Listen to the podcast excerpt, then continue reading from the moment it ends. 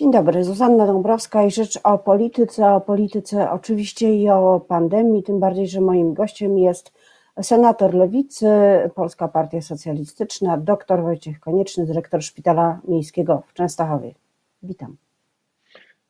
Dzień dobry panie redaktor, witam państwa. E, panie senatorze, ile u pana w szpitalu jest wolnych łóżek covidowych, a ile jest wolnych respiratorów? Nie ma łóżek covidowych wolnych. W tej chwili mamy 124 pacjentów e,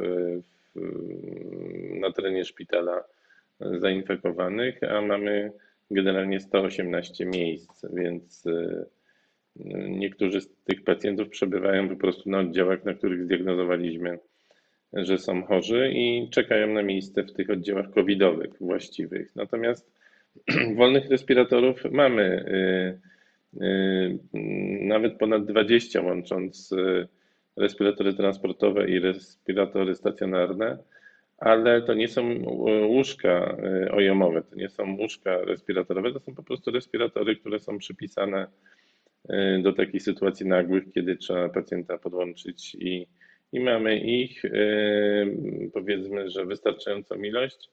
No natomiast to nie jest taka prawdziwa terapia intensywna, ponieważ to nie są oddziały intensywnej terapii, nie ma tam odpowiedniego personelu, odpowiedniego monitoringu. To jest awaryjna sytuacja, w której możemy e, pacjentów podłączać do tych respiratorów, no i jeżeli jest taka potrzeba, tak się robi.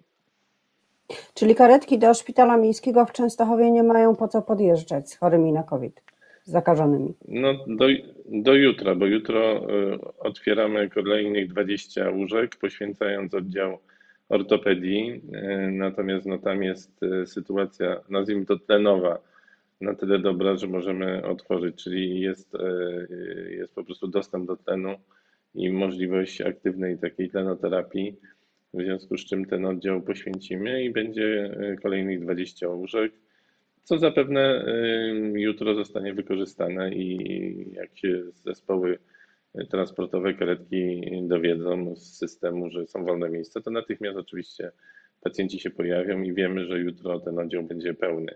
Zobaczymy, y, jakie będą dalsze kroki. Mamy dzisiaj naradę z wojewodą, są tutaj takie cykliczne narady online i jakieś decyzje będą pewnie zapadać następne. A jakie powinny zapaść decyzje?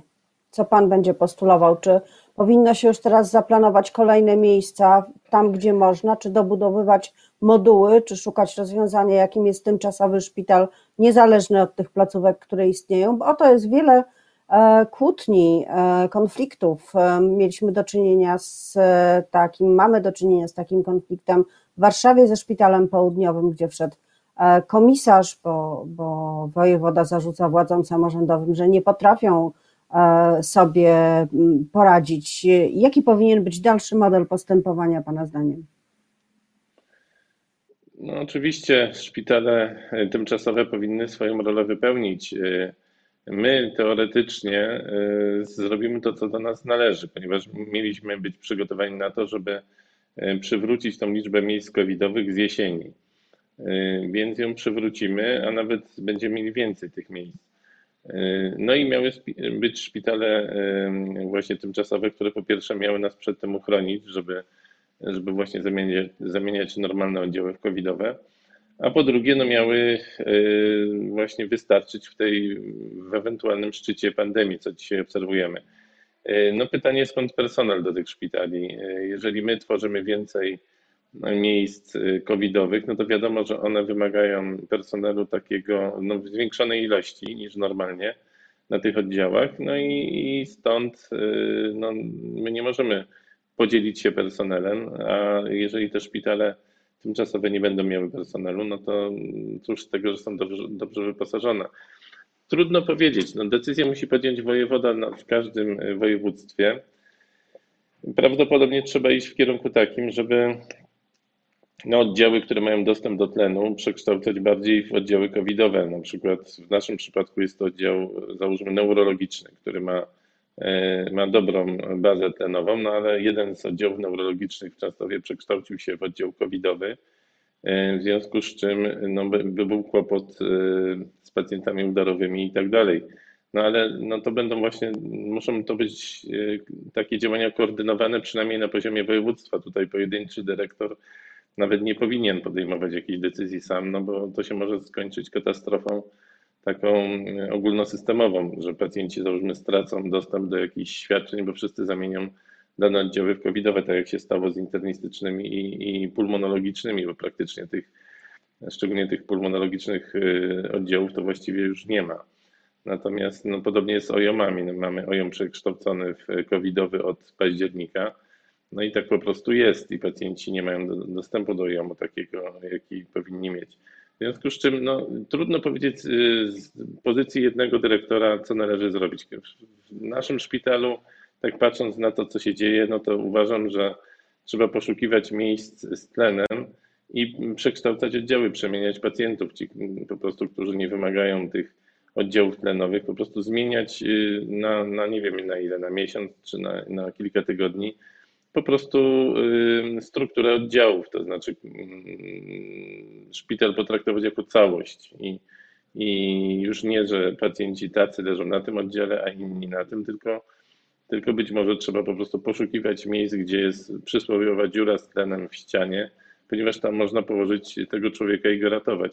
No plus y, dostęp do sprzętu. My wnioskujemy na przykład o takie, taki dostęp do sprzętu high flow, to się nazywa taki szybki przepływ tlenu, nie możemy się tego doprosić, no, no to by pewnie uchroniło trochę pacjentów przed, y, przed y, respiratorami. Wiemy, że ten sprzęt jest w szpitalach tymczasowych, które no mają dużo sprzętu, a mają mało ludzi. Może, może trochę, jeżeli jest jakaś fikcja, że gdzieś można uruchomić 300 miejsc, jest sprzętu na 300 miejsc, a nie ma personelu, no to lepiej przesunąć ten sprzęt tu, gdzie jest personel, czyli do tych szpitali, które, które mają walczyć z COVID-em. No jest dużo takich rozwiązań tymczasowych czy, czy, czy nagłych, no ale taka też jest sytuacja. Uważam, że e, w tą stronę powinna iść koordynacja mm, walki z pandemią. Czy, y, bo ja pytałam o e, ewentualne dobudowywanie modułów. Takiego zdania jest na przykład Andrzej mhm. Sośnierz, e, który mówi, że to zmniejsza do pewnego stopnia kłopoty z brakiem personelu medycznego, ponieważ no jakoś w ramach jednej placówki można się dzielić tymi zasobami, e, które są. To znaczy... Mhm. Pani redaktor, e, na to już jest za późno. To znaczy, owszem, o tym można było pomyśleć właściwie przed drugą falą. To znaczy, były takie e, wówczas głosy, żeby te szpitale tymczasowe, żeby ich za bardzo no, nie budować w ten sposób, w którym są, że mm, stadiony czy coś, tylko przy szpitalach istniejących, no, załóżmy przekształcić szkołę jakąś albo inny budynek w taki właśnie szpital tymczasowy, ale w bezpośrednim sąsiedztwie. No w Częstochowie jest tak, że około dwóch szpitali stoją szkoły, które są zamknięte w bezpośredniej bliskości.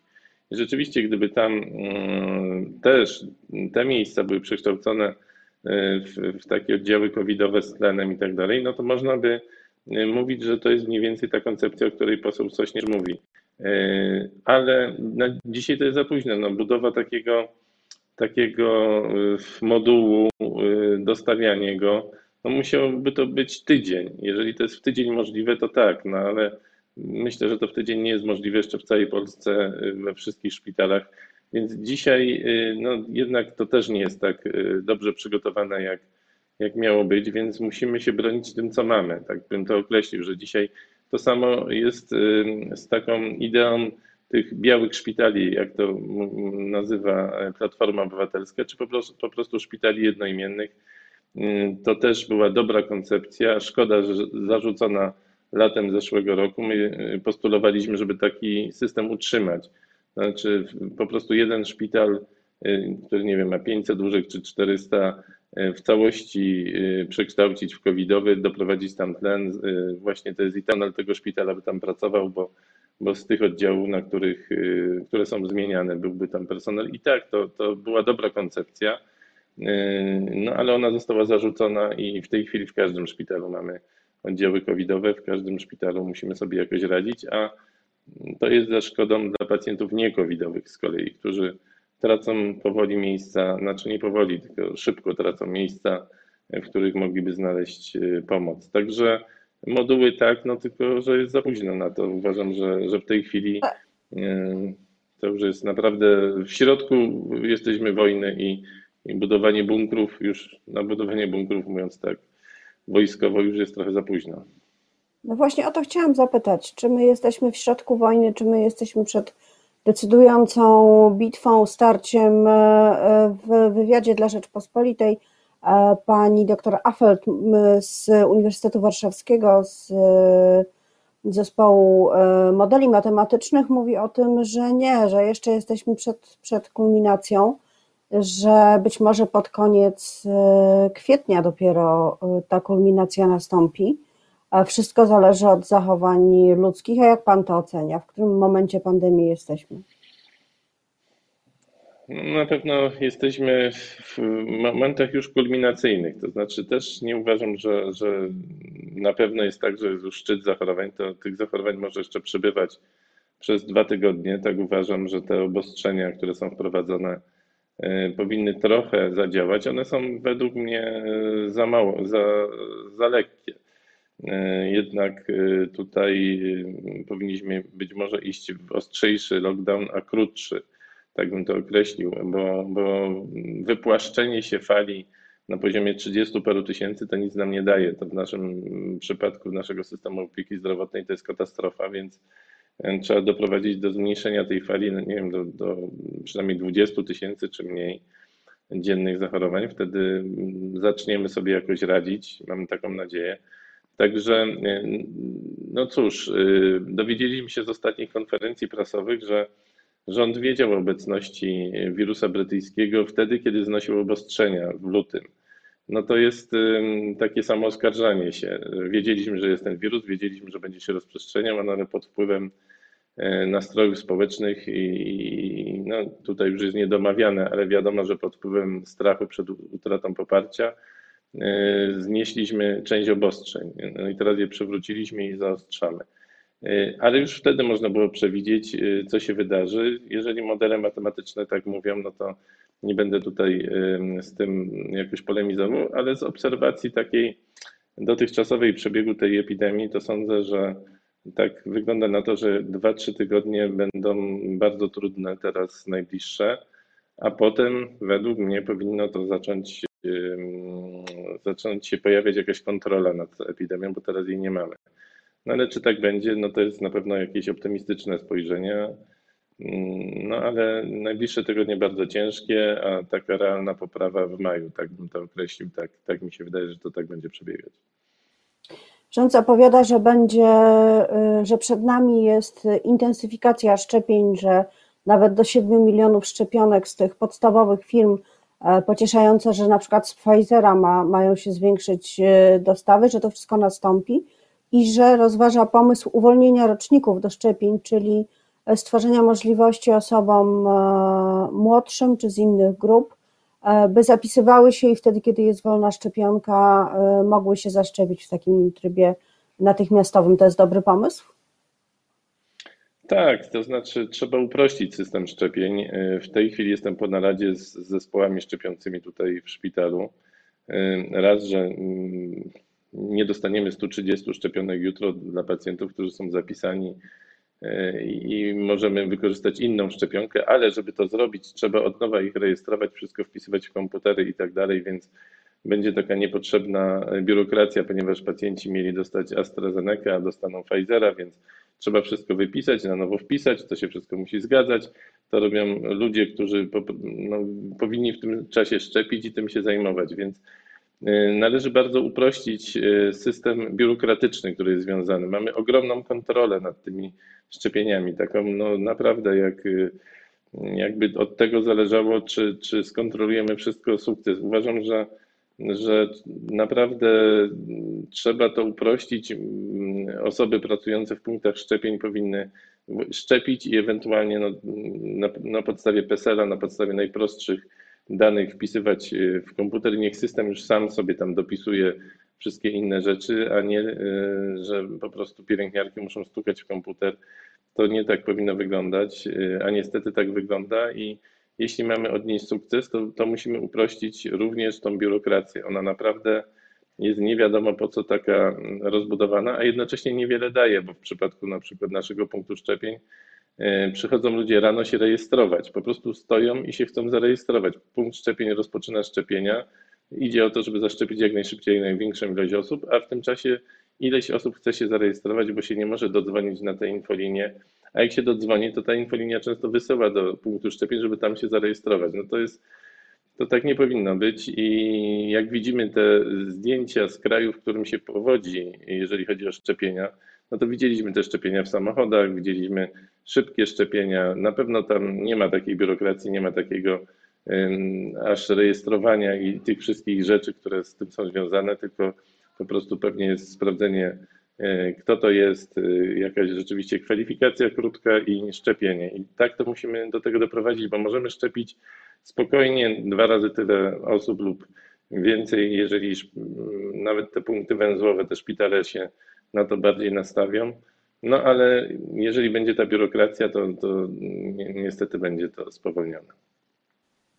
W takim razie życzę e, sobie, życzę Państwu e, i nam wszystkim, żeby było jak najmniej biurokracji przy szczepieniach i żeby jak najszybciej przyjechały do nas szczepionki, żeby poradzić sobie z tym, z tym dramatem, który się dzieje. A panu, panie senatorze, bardzo dziękuję za rozmowę. Senator Wojciech Konieczny, PPS Lewica.